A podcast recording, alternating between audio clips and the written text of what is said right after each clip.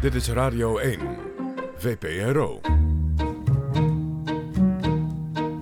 Plots. Chris Baiema en Jair Stijn.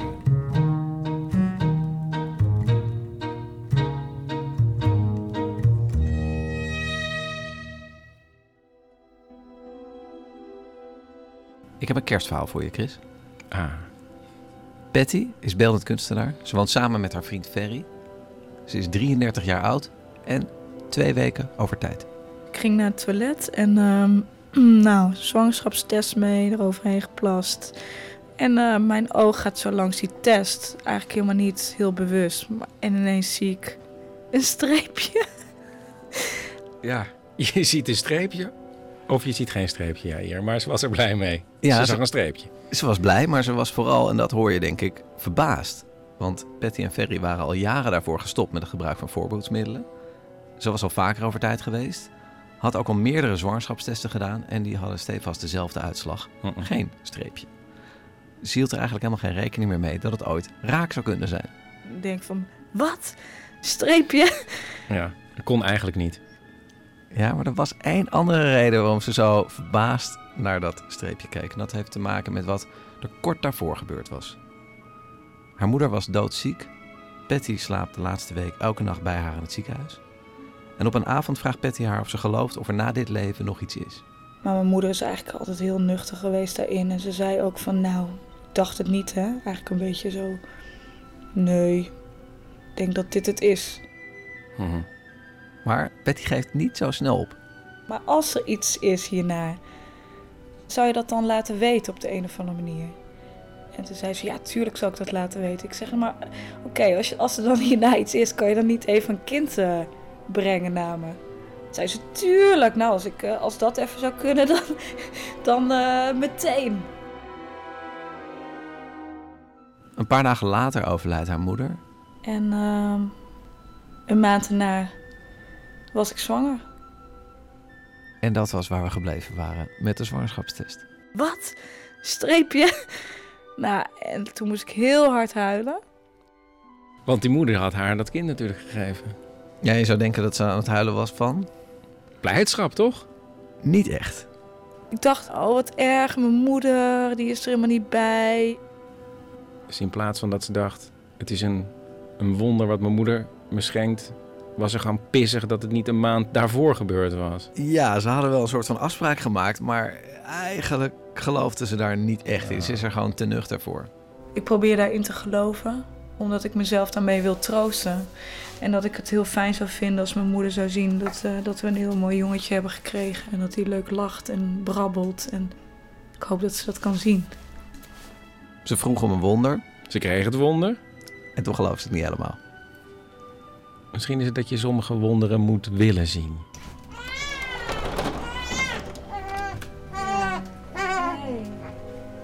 Hé hey, jongen, ben je verdrietig?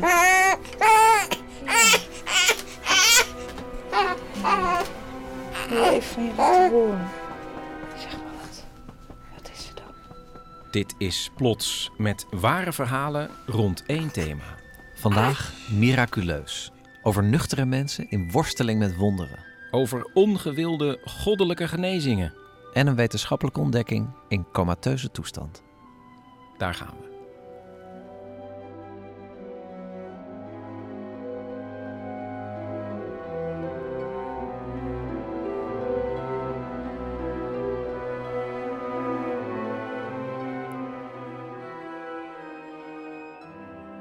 Acte 1. Op de een of andere manier gaan mensen er automatisch van uit dat een wonder een positief ding is. Ja, maar, maar dat is het toch ook? Dat is het toch per definitie Nou, eigenlijk? wonderen kunnen zo'n beetje alle kenmerken hebben van een traumatische ervaring. Hoe bedoel je? Nou, stel, je bent niet gelovig en je maakt iets mee wat eigenlijk niet mogelijk is. Ja. Wat gebeurt er dan? Je Ja. wereldbeeld kantelt, je zekerheden verdwijnen. Ja. En dan is het ja, hier volgens mij vergelijkbaar met een meemaken van een overval of een natuurramp. Ja, i- met een subtiel verschil. Het gaat om een positieve gebeurtenis. Het is niet iets, eh, het is dat iets is dus een kwestie van smaak. Luister maar naar dit verhaal gemaakt door Stef Visjager. Acte 1, de agenda van de Heer. Het is 2008, zondagavond, 7 uur. Drommen mensen voor de deur. De dienst is nog niet begonnen. Ik klampte iemand aan bij binnenkomst van eh, wat is ongeveer het programma. Nou, daar konden ze echt helemaal niets over zeggen, want dat hing er maar helemaal vanaf hoeveel mensen er genezen moesten worden die avond. Dat kan soms zelfs tot twee, drie uur s'nachts doorgaan. Dat, eh, dat is de agenda van de Heer eigenlijk. Dus daar kun je niets over zeggen. Dus toen dacht ik al, eh, toen was ik, begon ik wel eigenlijk al recht- meteen zo gereinigd worden van jeetje, dit, dit begon als een soort van leuk gebaar van mij. En nu zit ik hier straks dus zes uur vast eh, op een eh, vervelende eh, kruk. Esma is terechtgekomen in een genezingsdienst van de gemeente Levensstroom. Haar oma zag die diensten wekelijks op de lokale televisiezender. En ze heeft Esma tot gekwordens toe verteld over de man die die diensten leidt. De evangelist Jan Zijlstra. Wat een charismatische man en eh, wat goed dat hij dat doet. En wat, wat een wonder dat die mensen daar genezen in die, in die kerk. En, eh, ja, en ze wilde daar eh, eigenlijk heel graag ook zelf een keer naartoe. Voor, voor alle dingen waar zij fysiek mee zat, alle kwalen die zij had. Ehm, toen hebben we op een gegeven moment gewoon besloten: oké, eh, ik en mijn nichtje in dit geval, wij gaan gewoon een keertje met oma daar naartoe. Dan zijn wij misschien van het gezeur af en eh, eh, het is misschien nog gezellig ook, zo'n avond. En als je ja, met een beetje antropologische blik daar naartoe gaat, dan heb je misschien nog een hele interessante avond ook. Dus zo zijn we toen naar Leidschendam getogen. God wil je iets geven, jonge dame. Ja, ja, ja. God wil je geven, een aanraking, de kracht van God. Hij houdt van je, hij wil een weg voor je banen. Duidelijk zegt de Heer, hij wil een weg voor je banen. In Jezus' naam. Veel bloemstukken, kan ik me nog herinneren. En een beetje TL-achtig licht. En eh, nou, het was heel druk. Eh, ja, sommige mensen waren met krukken en eh, veel rollators natuurlijk ook. En rolstoelen. en maar ook heel veel gezinnen met kinderen. En dan dat, ja, die met dus zieke kinderen. Dus dat is ook wel, eh, dat is ook wel indrukwekkend. En dan op een gegeven moment dan komt, dus, dan komt dus Jan Zijlstra op. Genees in de naam van Jezus. Ja, dat is een man van, eh, ik denk dat hij 67 is of zo, zoiets. Een oudere meneer, lang, in, in een slecht zittend pak. In Jezus' naam. In Jezus' naam. Vrij laat op de avond eh, was mijn oma aan de beurt. 82, misschien is het al slijtage. Je bent te jong om oud te zijn. Ja, Heb ik vanavond iemand ook. horen zeggen. Ja, ja, maar ik zit op het ogenblik in een depressie, al een hele tijd lang. Dan ben ik al Ga je eerst nou eens zeggen, ik ben niet oud. Ik ben, ik ben niet oud. Ja. Oké, en dan heb ik een hele slechte rug, een dikke voet. Luister goed, jonge dame. Je kan nog minstens 20 jaar mee. Nou moet je niet lachen zoals Sarah deed. Al snel wordt duidelijk dat Zijlstra de klachten van oma niet heel serieus neemt. En dus duwt oma haar kleindochter naar voren. kleindochter. Ze heeft astma en is te bescheiden. Want Esma heeft astma. Astma. Ja, ik ben een beetje Is dat, je, is dat je oma? Dat is mijn oma, ja. Ja. En jij hebt hem meegebracht? Ja, eh, ja. Of heeft zij jou meegenomen? Nou, ja, lang verhaal. Sorry. En hoe heet je? Esma. Esma. Ik, ik schrok en ik zei, nee, dat eh, hoeft helemaal niet. Ik, eh, ik ben eigenlijk wel gehecht aan mijn astma. Maar dat werd niet gehoord door iemand. Dus toen, voor ik het wist eigenlijk, dat is heel snel gegaan. Ja, was ik dus eh, aan de beurt om op het podium te gaan staan. Halleluja. Hé, hey, kom eens hier, eh, Bart. Leg je hand eens op de longen. Op dat moment voel je je dan ook wel een beetje slecht over mezelf, bezwaard. Omdat ik helemaal niet geloofde in die situatie. Esma in Jezus' naam. Krijg sterke gezonde longen. Waar al die andere mensen eh, al de hele avond eh, in, opperste ernst eh, mee bezig waren. En ja, ik was eigenlijk gewoon maar meegekomen met mijn oma en, en deels ook wel nieuwsgierigheid. Een beetje sensatiezucht ook wel van wat gaat er gebeuren. En nu stond ik opeens daar en die Jan Zelstra heeft ook echt wel, nou, is echt wel, toch wel heel erg charisma en heel erg mensenkennis ook. Dus toen hij mij aankeek, dacht ik echt, ah, nu word ik ontmaskerd. Van hier staat een ongelovige. En dat dan de hele zaal boe zou gaan roepen. En ik, ik, was, ik, was best, eh, ja, ik was eigenlijk wel geïntimideerd door de situatie. Of ik dacht, wat heb ik eigenlijk, wat ben ik eigenlijk hier ver in meegegaan? Maar hij zei eh, niets. Hij was eigenlijk best wel vriendelijk. Hij zei van, vertel eens over je astma. En eh, nou, toen vertelde ik dat het allemaal best wel meeviel. En toen zei hij, maar het moet toch niet makkelijk zijn eh, om af en toe geen adem te, te, te hebben. En toen zei ik, nee, ja, dat het soms ook wel lastig was. Ja, toen heeft hij en, eh, en, en zijn twee handlangers, die hebben dus hun hand op mij gelegd. Halleluja. Astma laat los in Jezus' naam. Ga uit het lichaam vandaan. In de naam van Jezus. Hey.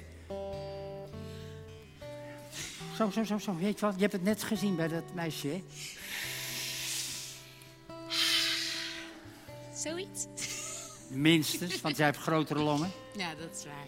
Ik moet nog even op oefenen. Hé, hoe gaat dat? Kom.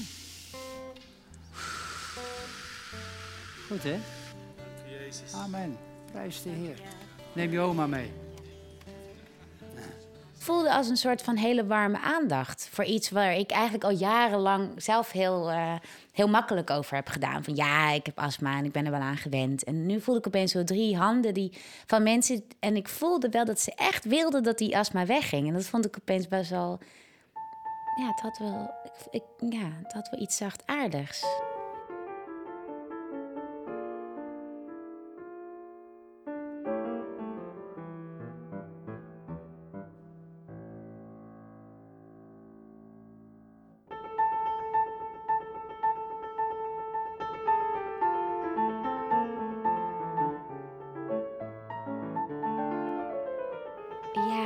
Belde mijn oma weer, standaard. En hoe is het met je astma?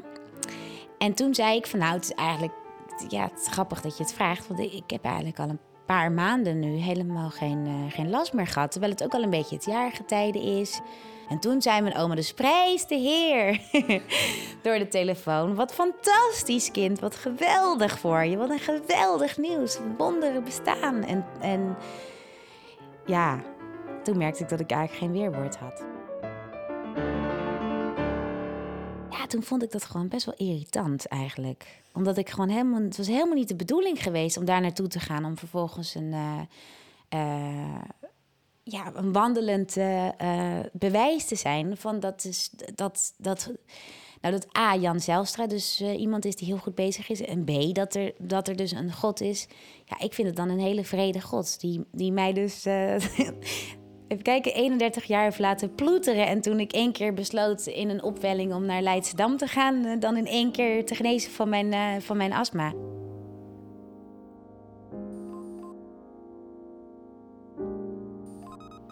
En kan het zijn dat jij, als je niet naar de Jan Zijlstra was gegaan, dat je ook genezen was? Dat het aan iets anders lag? Ja. Noem eens dan wat? Dat je er toch overheen gegroeid was op dat moment? dat ik precies op dat moment er overheen aan het groeien was. Ehm, ja, dat, ja, nee. Nee, sorry, dat kan niet eigenlijk. Nee, ik bedoel, natuurlijk kan dat wel. Maar een, een overheen groeiproces duurt, eh, dat, dat gaat heel geleidelijk. En dat merk je dan. eh, eh, dan, dan loopt dat heel geleidelijk af.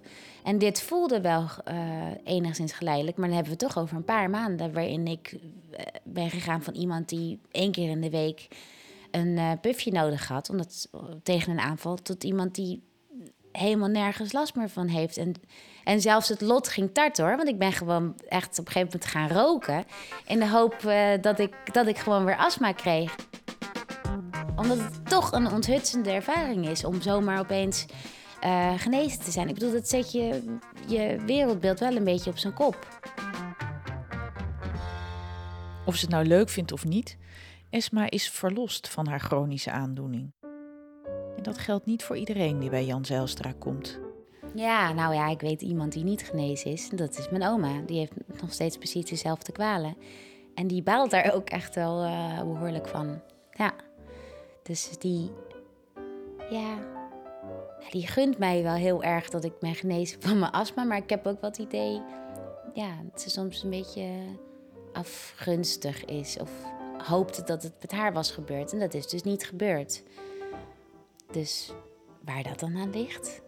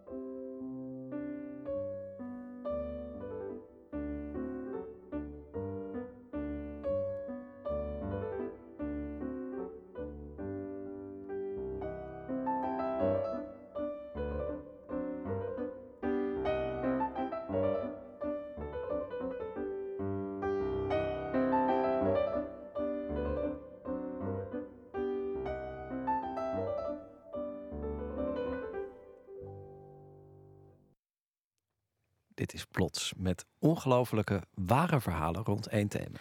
Thema van vandaag, miraculeus. Eigenlijk een spoedcursus omgaan met onverklaarbare gebeurtenissen. Ja, dan heb ik nog wel een mooie voor je. Dus dit is een verhaal dat is zo bizar dat ik het echt zelf niet geloofd, niet geloofd had. Waar het niet dat ik het zelf gecheckt heb en heb uitgezocht. En als die bron niet zo betrouwbaar was geweest. Ja, en de bron? Wie was de bron? Dat is professor Bart Roep. Hij is verbonden aan het Leids Universitair Medisch Centrum. Eh, een man die prijzen heeft ontvangen voor zijn onderzoek. Dat is onderzoek naar suikerziekte. Goed. En dat bizarre verhaal heeft iets met suikerziekte te maken. Het gaat over hoe je leven kan veranderen als je heel hard op je achterhoofd valt. En het is een liefdesgeschiedenis. En inderdaad, het gaat ook nog een klein beetje over suikerziekte. Wauw. Acte 2. Felix for president.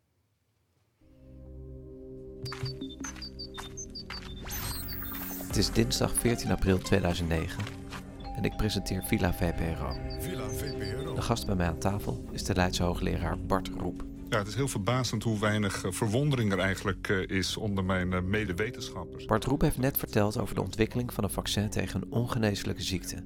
Diabetes type 1. Diabetes ontstaat door een kleine vergissing van je afweersysteem.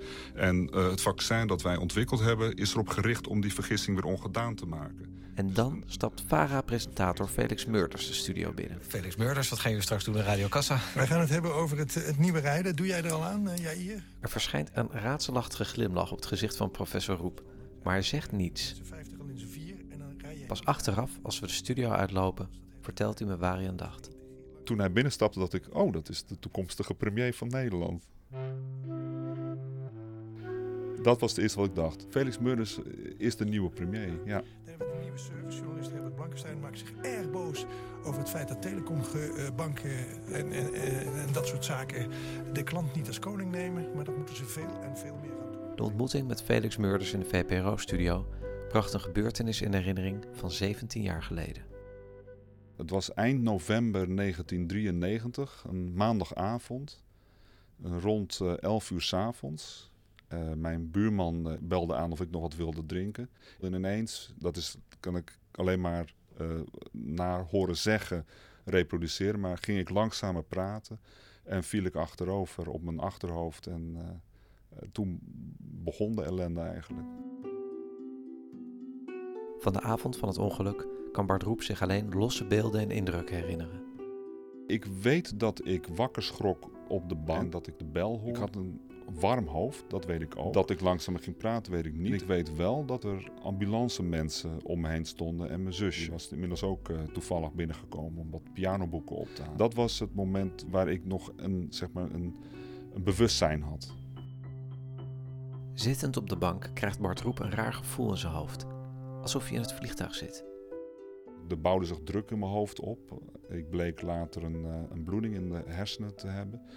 En door die druk die zich opbouwde, dacht ik, ik moet eh, mijn oren even laten klappen door mijn neus dicht te houden.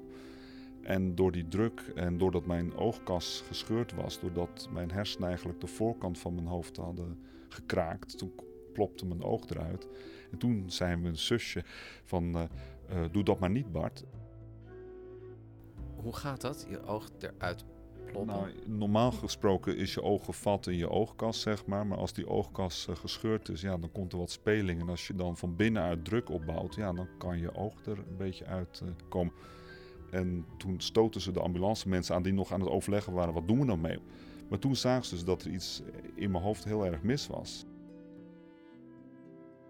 Het nieuws van het ongeluk bereikt ook Gabi. Zij is de analiste van Bart Roep. De proeven die hij verzint, voert zij uit in het laboratorium. Ik was op het werk en toen kwam een andere collega binnen. En die kwam echt zo prompt verloren, eigenlijk even zo tussen neus en lippen door vertellen van... Uh, oh, weten jullie het al? Bart ligt in het ziekenhuis. En dat ik zoiets van, Bart ligt in het ziekenhuis? Ja, logisch dat ik dat natuurlijk nog niet hoorde, want Bart en ik uh, hadden nog geen officiële relatie toen.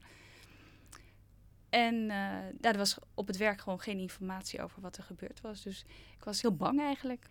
Ik werd verliefd op de analisten die ik zelf had aangenomen.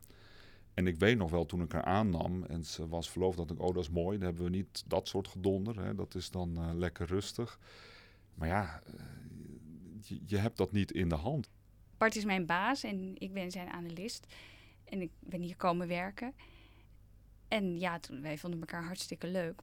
Maar ja, ik had thuis uh, gewoon ook nog uh, een verloofde zitten. Het was allemaal nog een beetje een, beetje verboden liefde. En uh, Bart had ook alles bekend dat hij verliefd was geworden op mij. Maar ook omdat ik verloofd was, dat hij daar niks mee zou doen. Dus dat hadden we elkaar die vrijdag daarvoor verteld. En die maandagavond, ja, toen is hij dus gevallen en in het ziekenhuis terechtgekomen. En dat hoorde ik dus pas toen, ik, toen ik op het werk was.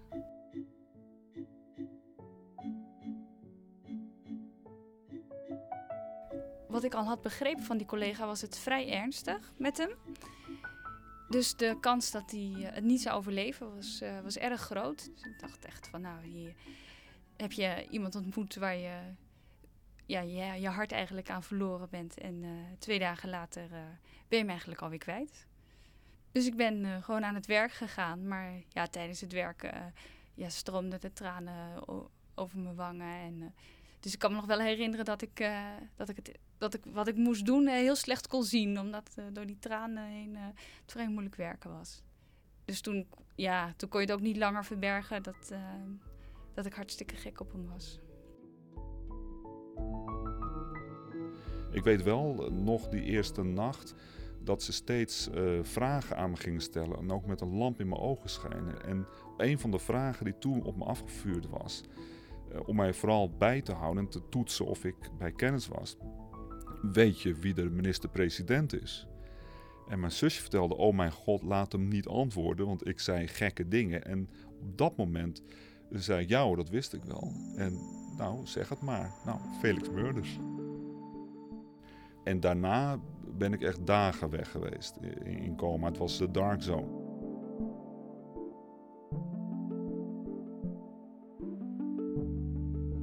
Terwijl Bart Roep in coma ligt, kunnen de artsen niets doen. Opereren is te gevaarlijk. Van een afstand wacht Gabi op nieuws. De eerste paar dagen zijn wij echt, uh, zeker hier op het werk, in grote onzekerheid gebleven. Wat er nou eigenlijk aan de hand was en wat er gebeurd was. Dus, en hij mocht volgens mij ook helemaal geen bezoek hebben, want hij lag op de intensive care. Dus dat ik daar naartoe ging, dat was uh, ja, eigenlijk uitgesloten. Na een paar dagen ontwaakt Bart Roep uit coma. Je moet je voorstellen, je bent dus echt behoorlijk geraakt. En ja, het, het, het, het had niet veel gescheeld of ik had het niet uh, gered. En toen op een gegeven moment vroeg ik mompelend eh, een telefoon. En, eh, en toen vroeg ik toen het telefoonnummer van eh, mijn laboratorium. En eh, dan nam een analiste op. En ik dacht dat ik een zinvol gesprek had met haar. Maar ze had alleen maar gezegd, ze zei alleen maar, ze zei Gabi, Gabi. Want ik wilde haar spreken. Maar toen hebben we echt maar een paar woorden gewisseld. En toen wou hij gewoon alleen eh, even mijn stem horen en ik wou zijn stem horen. En achter dat eigenlijk wat je dan zegt maakt dan eigenlijk niet zoveel uit. Dan wil je elkaar alleen laten weten van eh, ik ben er en ik ben oké. Dus ja.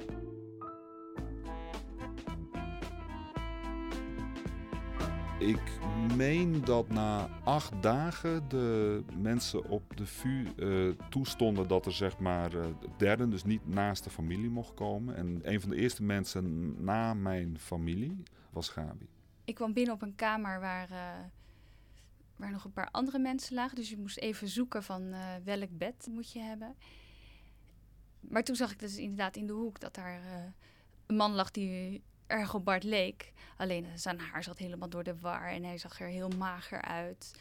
En eh, allemaal monitoren om zijn bed en zo. Dus, eh, dus daar schrok ik eigenlijk wel van. Dat je, dat, dat niet het beeld was. je hebt natuurlijk een beeld van, van een gezond iemand.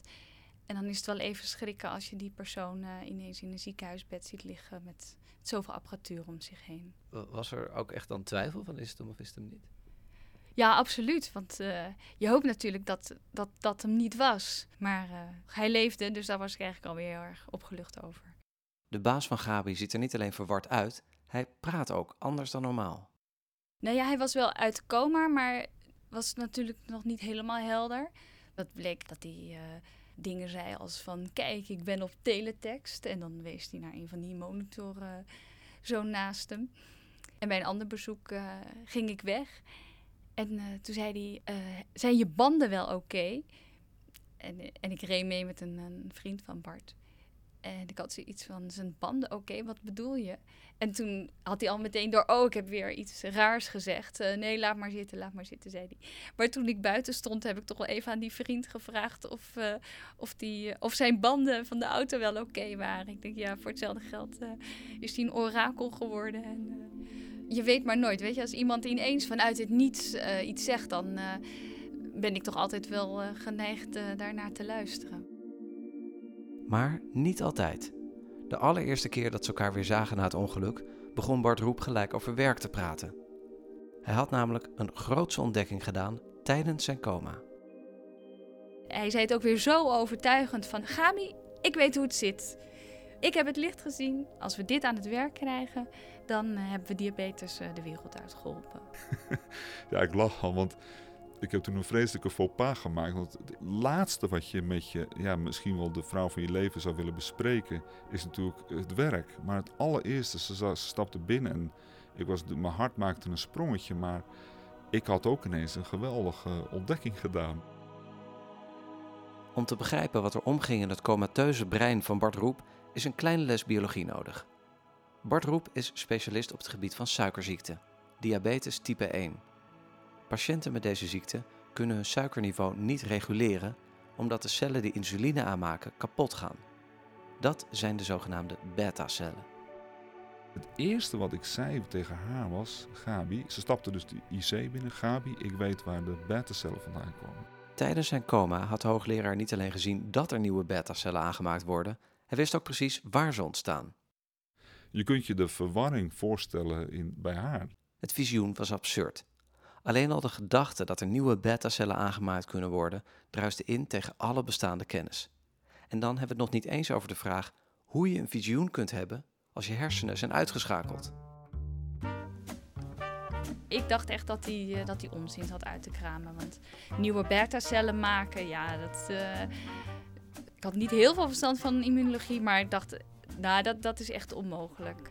Dat probeerde ik echt af te kappen van Bart. eh, dat heb jij natuurlijk in een van jouw dromen gezien. En heel serieus hoef ik dat niet te nemen. En toen zei ze nog zoiets van, ja, ik, daar wil ik het nu niet met je over hebben. Jawel, want ze zitten in de alvleesklier. Hè. Ze, komen, eh, ze komen uit het epitheel. En ik moest dus echt, en je hebt de proeven al gedaan. Zoiets heb ik ook gezegd, van je hebt de proeven al gedaan. Je hebt de experimenten al gedaan. We hoefden nog maar een paar experimenten te doen. En eh, ik reageerde echt wel een beetje boos van, nou, hoe... hoe eh, hoe kan je nu over werk praten als ik hier binnenkom, weet je wel? Dat, eh, ik dacht dat we over hele andere dingen zouden gaan praten, ja. Dacht hij niet ook een beetje, nou, echt gekke Henkie? Ja, ja, nou, je maakt je natuurlijk eh, zorgen of dat, ooit weer, eh, of dat ooit weer goed zou komen met hem natuurlijk. Van de rest van het gesprek weet ik niets meer. Uit de dingen die hij zei kon je echt wel blijken van... eh, deze persoon eh, heeft een, eh, een klap van de molen gekregen. Helemaal niets.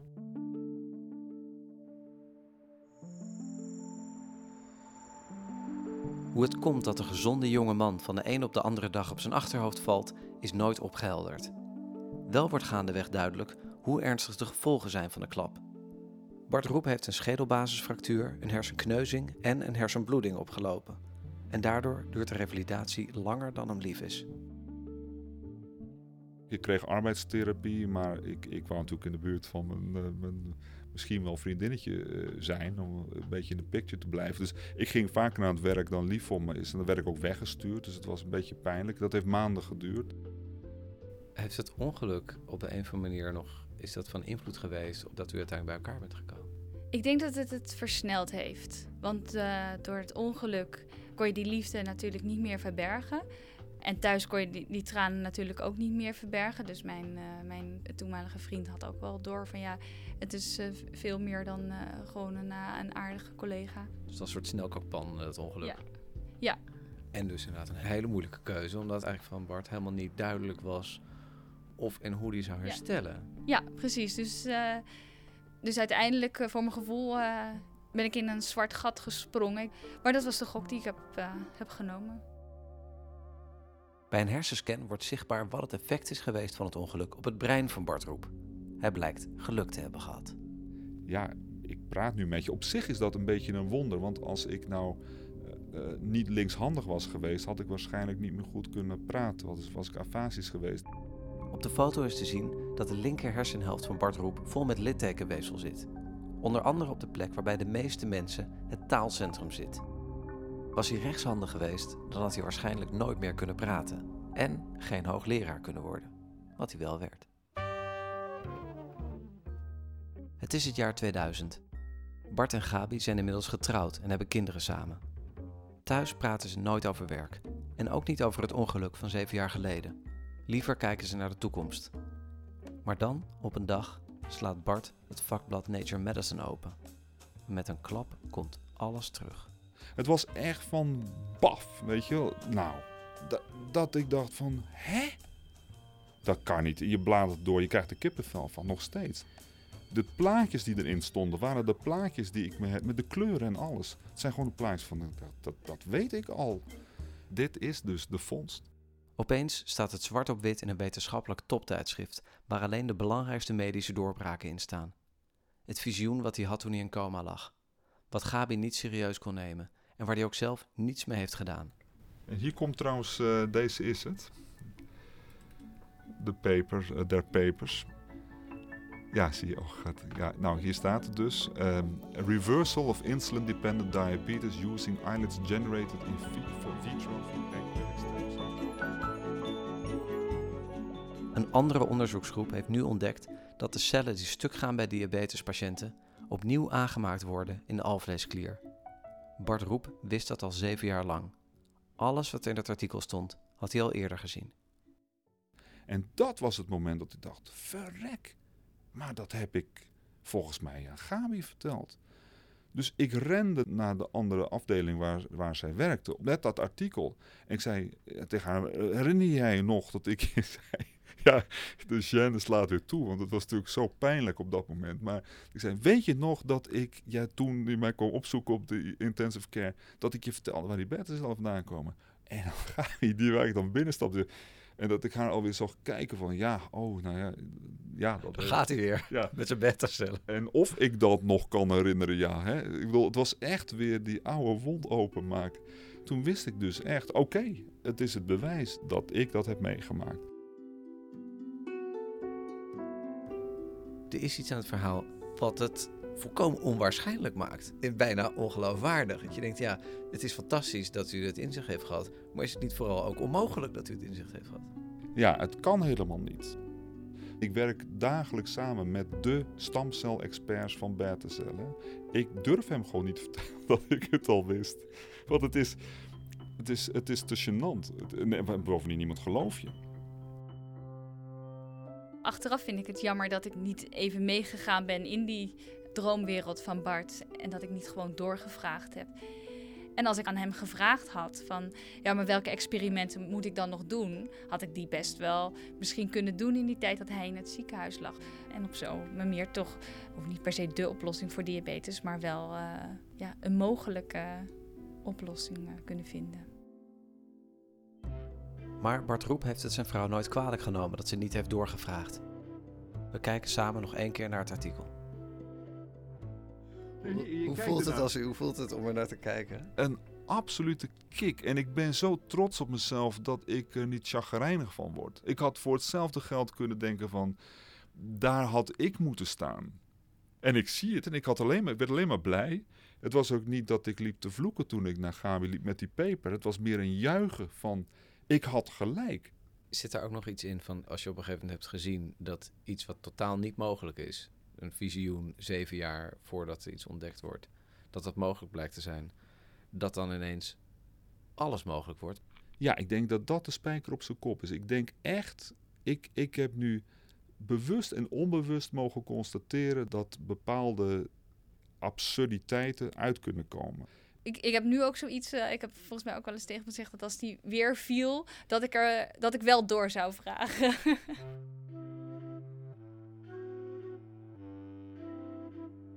Ruim 20 jaar werkt Bart Roep aan een oplossing voor diabetes. Maar ondanks alle doorbraken in het onderzoek is de ziekte nog altijd ongeneeslijk. Wie niet in wonderen gelooft, zou de hoop kunnen verliezen. Maar sinds zijn ongeluk heeft professor Roep geen twijfels meer. De oplossing gaat er komen. Het gaat om de omslag van sorry, eh, het is een ongeneeslijke ziekte naar een yes we can. We kunnen er wat aan doen. Dat, is heel, dat, heeft mij een enorme eh, drive gegeven. Ik, ik kan heel veel tegenslagen gewoon van mijn schouders afvegen omdat ik gewoon weet dat het gaat lukken. Wat is er nou leuker om gewoon het onmogelijke eh, mogelijk te maken? Dus het enige waar ik nou op wacht is dat Felix Murders premier wordt. En er is iets in me wat heel erg knaagt. Elke keer als er verkiezingen zijn, denk ik eraan terug. Wie weet, hè?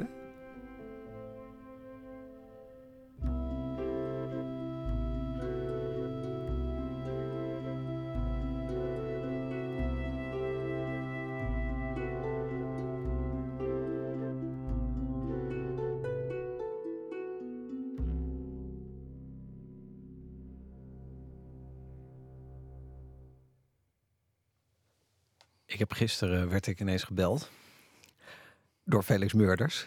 Die had, en- en ja, ja, ik, ik, toekomstige- ik had hem een mailtje gestuurd, precies, om te vragen eh, naar zijn eh, politieke ambities. Ik heb hem dit verhaal verteld. En eh, nul, zegt hij. De kans is nul dat ik ooit nog de politiek inga. En ook niet als we een beroep doen, als we zeggen het moet. Ja, ik, hij bleef Was niet te erbij. vermurwen. Hij was niet te vermurwen. Maar ik, ik zet mijn geld sinds deze voorspellingen op Bart Roep. Dus ik, ik, ik weet het niet. Ik weet niet of we Felix moeten vertrouwen hierin. Oké. Dit is plots met ware verhalen rond één thema. Thema van vandaag, miraculeus. Heeft uw leven zo'n bizarre wending genomen dat het eigenlijk verfilmd zou moeten worden? Stuur ons een mail en wie weet komen we bij u langs om opnames te maken voor de radio, dat wel. plots.vpro.nl Nog een keer, plots.vpro.nl Ik beloof u, we zullen voorzichtig omgaan met uw verhaal. Onze laatste miraculeuze geschiedenis gaat over geesten uit het verleden. Geesten die zich niet laten wegjagen. Acte 3, Schaduwfamilie, geschreven en gelezen door Ludette El Barkani. Ik weet nog, toen ik jong was en ik zat bijvoorbeeld niet lekker op de bank, dan zei mijn oma altijd dat ik ergens anders moest gaan zitten. Want het was toch overduidelijk dat dit plekje op de bank al bezet was.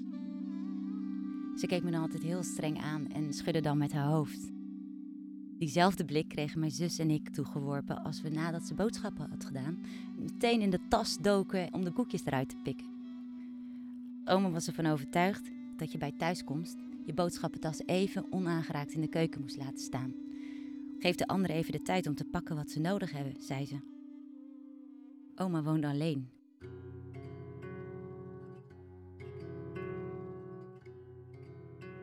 Met mijn zus bracht ik de zomervakantie bij oma door. In Isoufiane, een piepklein dorpje in het noorden van Marokko. Oma sprak wel eens over de andere familie in haar huis. Een alleenstaande vrouw met drie kinderen. Ze hoorde ze wel eens spelen en één keer heeft ze de vrouw horen huilen. Zie het maar als mijn schaduwfamilie, zei ze. We leven met z'n allen in dit huis en daarom moeten we alles delen. Het eten, maar ook de ruimte. Elk jaar gingen we met de hele familie naar Sidi Ali. Een dorpje aan de voet van de Atlas waar in juli de Berbers uit de streek bij elkaar komen. Families in busjes, op pakezels of in kleine open kadetjes. Ze slaan hun kamp op en blijven een paar dagen bivakeren. Ze komen om een heilige te eren die daar begraven ligt. In strijd met alles waar de islam voor staat, slachten ze dan hun kippen en hopen op de gunsten van een dode man. Mannen met kromme ruggen, vrouwen met verdrietige ogen en meisjes met psychoses. Allemaal hopen ze op genezing. S'nachts hoor je afgrijzelijk schreeuwen. Dan bevrijden ze bezeten vrouwen van demonen.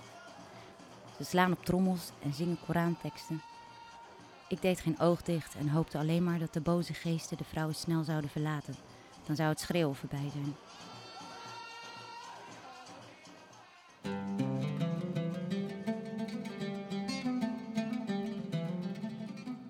Oma stierf in haar eigen bed.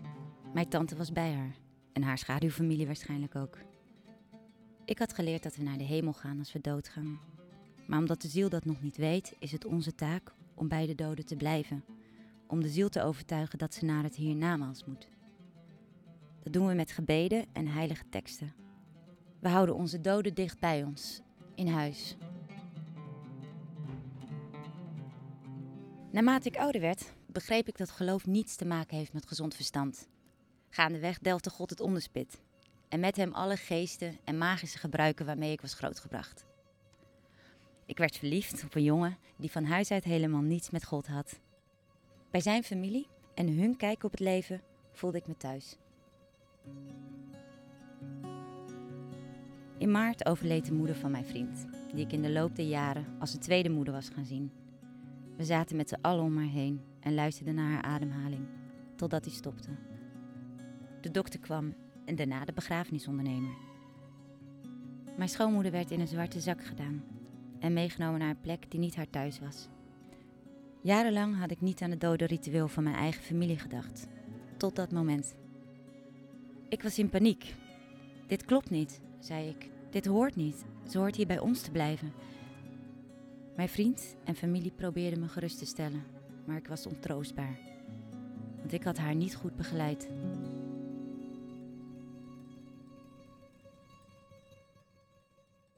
Laatst kon ik niet slapen. Ik weet niet wat het was. Uh, ik lag op bed en ik kon mijn draai gewoon niet vinden. Het voelde gewoon alsof, ja, alsof dat plekje op mijn bed al bezet was. Ik heb me de hele nacht niet durven te bewegen. En ik heb geen oog dicht gedaan.